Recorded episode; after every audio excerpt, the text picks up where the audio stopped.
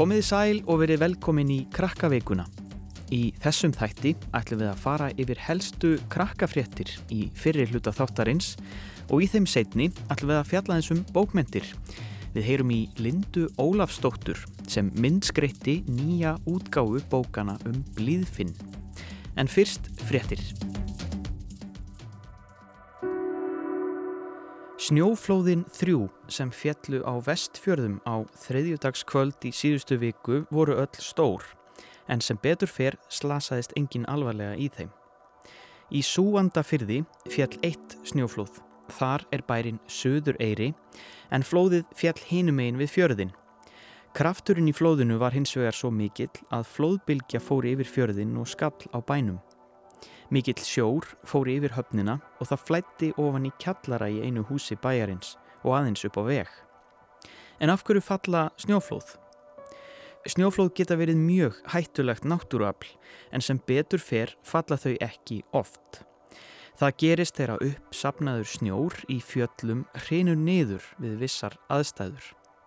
Sérstakir varnargarðar eru settir upp þar sem að snjóflóðahætta er mikil sem draga úr líkum á því að flóðin lendi þar sem að fólk á heima. Varnagarðarnir á Flateri stýrðu báðum flóðum á þriðjudag fram hjá bænum að mestu leiti. Stór hluti annars flóðsins skemmti höfnina mikið og líka marga báta. Hitt flóðið fór á eitt hús og 14 ára stelpu var bjargað úr því og komið á spítala á Ísafyrði en hún var sem betur fyrr ekki slösuð alvarlega. Hún heitir Alma Sólei Eriksdóttir, er 14 ára og er frá Flateri. Hún segir að hún hafi verið alveg vissum að henni yrði bjargað úr snjónum. En ég held ég hafi alveg verið svona í svona kannski 5 til 6 mínútur húst vakandi og ég var bara eiginlega hugsa um húst bara mér mín og sískinni mín að ég náttúrulega ekki alltaf þau verið líka í snjóflóðinu þannig ég var að reyna að ég var bara að vona að það verði alltaf læg með þau en ég bjóst alveg við því að það myndi ekki koma náttúrulega. Þú verðast aldrei nýtt alveg sérstaklega hrætt og óttast því? Ekki um sjálfa mig, bara þú veist, já, eins og ég segja bara um mömmu mín og sískinu mín og geturna mína en ekkert um sjálfa mig. Ég bara passa að ég veri ekki að gera neitt erfiðara fyrir þeim sem myndu koma að mér upp úr. Veðrið á Íslandi hefur verið slæmt þessar fyrstu vikur ársins og í frettunum heyrast alls konar orð sem lýsa því og við ætlum að kynna okkur aðeins nánar. Veðurfræðingar gera nákvæmar mælingar á því hvernig veðrið þróast og geta þessuna spáð því hvernig líklegast er að það verði nokkra daga fram í tíman. Þetta eru mjög flóknar mælingar, oftast rætast veðurspárnar en stundum ekki. Það getur verið svekkjandi, sérstaklega þegar það er spáð sól og blíðu. Alls konar flókin og skrítin orð eru nótuð um vond vetrarveður. Orðið færð er til dæmis notað um það hvernig er að komast leiðarsinnar, annarkvort á faratæki eða gangandi. Þegar það er hálka, mikil snjókoma eða skafrenningur getur orðið ófært Þegar snjór er laus í sér, fíkur hann af stað þegar vindurinn blæs og sapnast í skabla. Þegar snjórin skefur yfir vegi geta myndast skablar á veginum sem geta skapað hættu fyrir ökumenn og það er skafrenningur. Úrkoma fellur úr skíjónum og getur verið allt frá regningu yfir í snjókomu. Oft er talað um jél, þá snjóar mikið í svo litla stund í vindi og hættir svo þá er sagt að það stitti upp. Það er kallað jæljagangur þegar það snjóar og stittir upp til skiptis. Þá er líka stundum sagt að það gangi á með jæljum. Það er gott að þekkja svona orð sem veðurfræðingar nota svo að maður viti betur hvað þarf að varast og hvenar maður á bara að halda sig heima.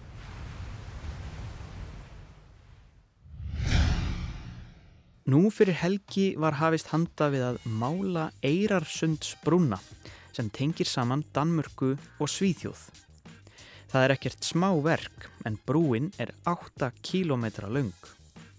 Það þarf að mála 300.000 fermetra sem er svipað og að mála 45 fótboltavelli. Þess vegna þarf mjög mikla málingu. Þetta er í fyrsta sinn sem Eirasundsbrúin er máluð síðan hún var opnuð fyrir 20 árum en allir hlutar hennar voru málaðir innan hús á sínum tíma áður en hún var sett saman. Sérstakir færanlegir vinnupallar hafa verið hannaðir til verksins sem eru 30 metrar á breytt og 14 metra háir. Það þarf mikla þólimaði til að mála brúna og gert er ráð fyrir því að það taki 13 ár. Það verður því líklega ekki búið að því fyrir en árið 2033.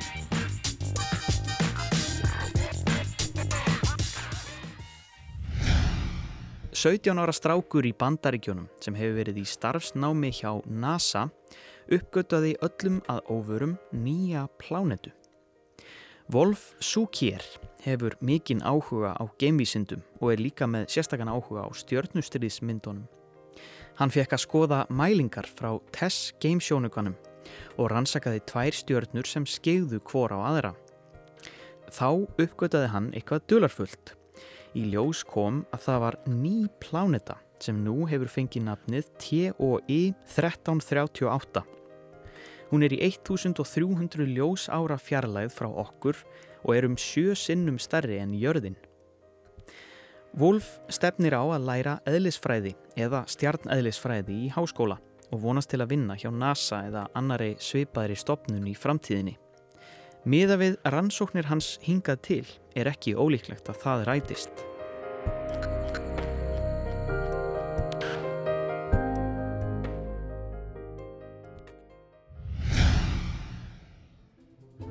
Ný kvikmynd um kongulóarmannin, Spiderman, verður að hluta til tekin upp á Íslandi.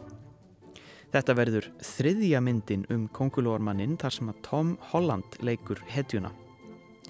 Ísland hefur undanfarin ár verið vinsæl tökustadur fyrir stórar bíómyndir og ekki í fyrsta sinn sem Marvel mynd er tekin upp hér á landi.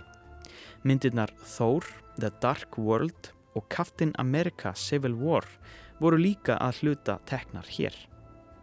Sömur segja að tökurnar gefi vísbendingu um hver óvinnur kungulóamannsins verði. Líklegast er að það verði veiðimaðurinn Kreiven Hann þykir einn ógnvanlegasti óvinnur kungulóamannsins og hefur byrst í myndasögublöðum, teiknimyndum og tölvuleikjum.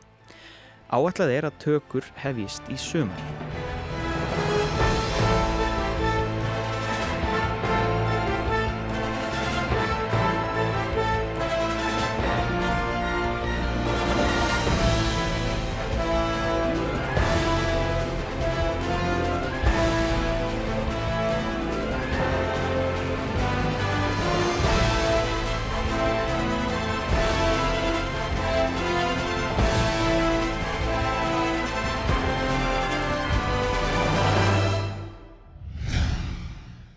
En þá skulum við vind okkur í bókmentir.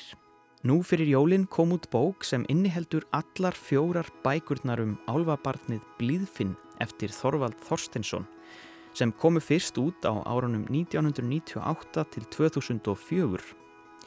Bókin inniheldur nýjar teikningar og við ætlum að kafa aðeins ofan í þær.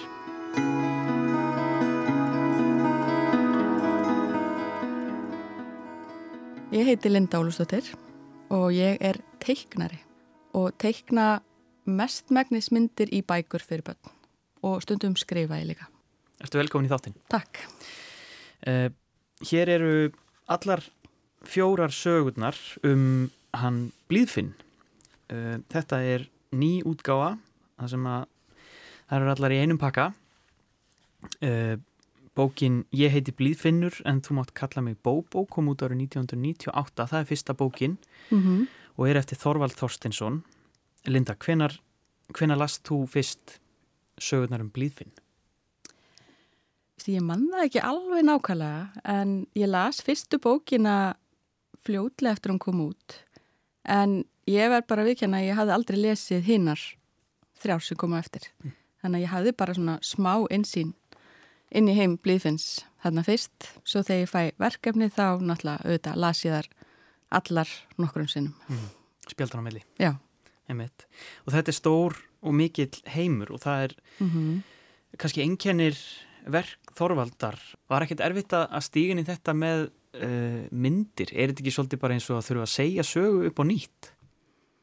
Jú, sko bæði og en hérna lýsingarnar hans hjálpuðu mann svo mikið því að hann lýsir sem heima, hann gerir hann svolítið levandi fyrir mann sem að auðveldar mann alveg að miklu leiti að teikna. Mm.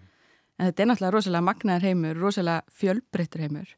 Og þess að ég segi mikið af lýsingum þannig að ég þurfti að punkta heilmikið hjá mér þegar ég var að gera þessa bók. Ég var með rísastórt skjál sem að ég krótaði inn á bæði útlitslýsingar og lýsingar á landslægi og, og hérna fyrðuvörum og svo leiðis þannig að að máli segja að hann gerir manni að sumuleiti auðvelt fyrir að skapa þetta, hann náttúrulega auðvitað skapar þetta fyrst með orðum sko. Mm -hmm.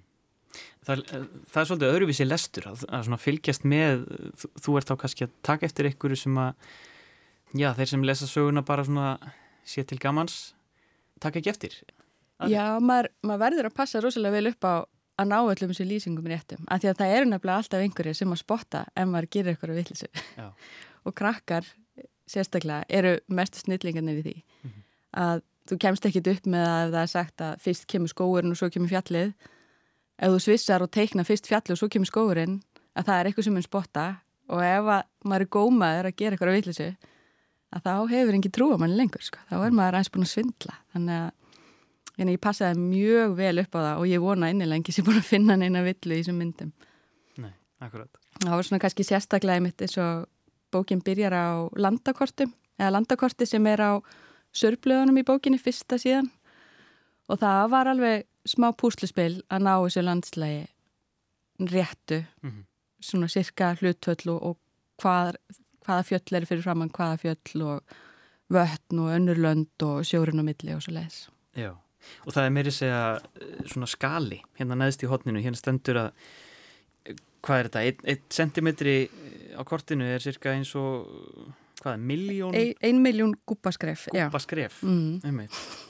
það er að hugað mörgu þegar maður í, þú er líka í kortagerð.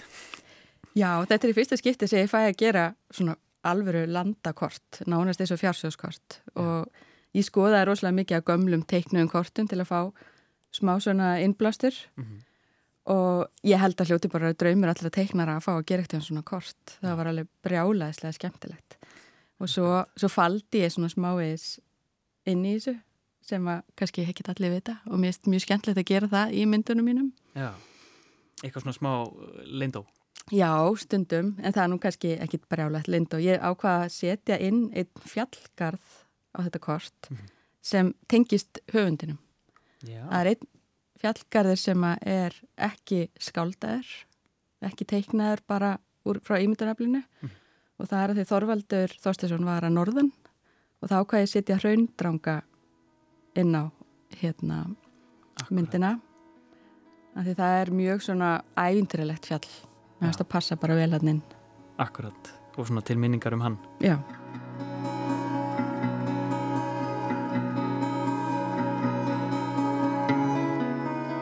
Uh, Já, hún Sigþrúður hún sem er hérna, hún er rítstjóri barnabóka hjá fórlæginu ég hef oft unni með henn áður og hún hafði bara samband um mig og bað mig um að taka þátt í þessu verkefni sem að mér fannst bara mikill heiður að fá að gera og vera trist fyrir að þessar bækur eru náttúrulega klassískar og, eða bara orðna klassískar og svona nostálgíja örgulega hjá mörgum þannig að það er alveg áskorun. Og náttúrulega þar voru með öðrum myndum eftir Guðan Ketilsson þannig að það er auðvitað líka áskorun að, að gera eitthvað nýtt við þetta og hérna fólk sem elskaði bæ, gömlu bækunar eins og að liti út að það takir þessari líka vel mm. Hvernig er það að stíga inn í svona það sem er aðeins búið að setja þetta í myndir áður? Varst það eitthvað búin að skoða það eða hvernig? Ný, ég var eiginlega bara rétt búin að sjá kápuna á fyrstu bókinni og svo ákvæði mjög með þetta að skoða ekki neitt meira mm. og ég veit ekki að ég er ekki eins og búin að gera það almennilega ennþá ég var mjög hrættum að verða fyrir áhrifum frá gömlu myndunum og ég vildi reyna að sjá þetta eins færst og ég gæti. Og enda var líka langt síðan ég hefði sjálf lesið allan á fyrstu bókina. Þannig ég vildi fá að koma svona alveg ferskum augum að þessu. Mm þannig að hérna og gömlu myndina voru æðislegar og allt öðru í sig en hérna mjög fallegar og skemmtlegar en ég vildi bara skapa algjörlega minn heim eins og ég segja hann frá. Getur lísta þess myndun? Bara svona hver, hvernig það líti út og, og hver er svona hver er hugsunum á bakvið tekningarnar? Já, þær eru, myndirnar inn í bókin áttu að vera svarkvítar. Þannig að það var náttúrulega það fyrsta sem maður tekur eftir heimaflætti bókinu. Þetta eru svarkvítamyndir mm. og ég vann þær með blíjandi og bleki. Og ég vinn alveg mikið bara í höndunum og ég vil helst sjá í myndunum mínum að þú finnir að það er eitthvað svona handverk á bakvið. Og hérna, þannig að já, ég vann þar þannig og svo vinn ég stundum aðeins í tölfunni líka til að svona klára, klára þær stundum þannig en já, mér langaði til að væri smá svona áferð á þeim og hérna stundum kannski smá svona minnstur og einhver svona fílingur þannig að mann liði þess að þú gætir rent fingrunum yfir teikningun og þú fyndir að það væri eitthvað hana já, undir sko. Akkurat. Það eru stundum heilu opnundnar sem eru minnskreittar og lítil texti eða engin texti. Og svo koma inn á milli minni myndir. Nú svolítið að vita hvernig, hvernig ákveðum aður er, er það bara mikilvægustu augnablikin sem eru fá svona mikið plás og svo eh, minni smátrið sem, sem þarf samt að segja frá í mynd. Já, það, maður þarf svolítið að passa að velja rétt augnablikin til að myndskreita mm. og maður hefur alveg kannski sjálfur lendið að lesa ykkur á bók þar sem að það er ykkur aðrið er líst og það er ekki sínt eins og kannski eitthvað annað sínt sem að því fannst ekki eins og merkilegt að verðum að kannski stundu fyrir smá frá vambrum eða ég allavega. Hana þannig að hérna ég, já, ég reyndi að velja atrið sem væri svolítið svona krassandi og smá svona aksjón í gangi en jafnframt líka að sína þessi rólegu og fallegu mómenta því að mm. þessi saga er mjög hún er ósað tilfinningarík og hún er mikið stuð og spenni í henni og svo koma líka alveg bara svona falleg hugljúf augnablík sem að hérna, mér finnst líka alveg nöðselt að sína í myndum mm. að róa svona eins inn á milli Akkurat. en hérna þannig að þegar ég sá fyrir mér aðrið sem var alveg sérstaklega, ég sá það sérstaklega myndríkt fyrir mér þá reyndi ég að gera það svolítið stórt en svo er líka bara alltaf gaman að skella það er svo mikið að finn, finnum karakterum en að skella þeim hér og þar í tekstan bara svona eins til að brútið upp mm.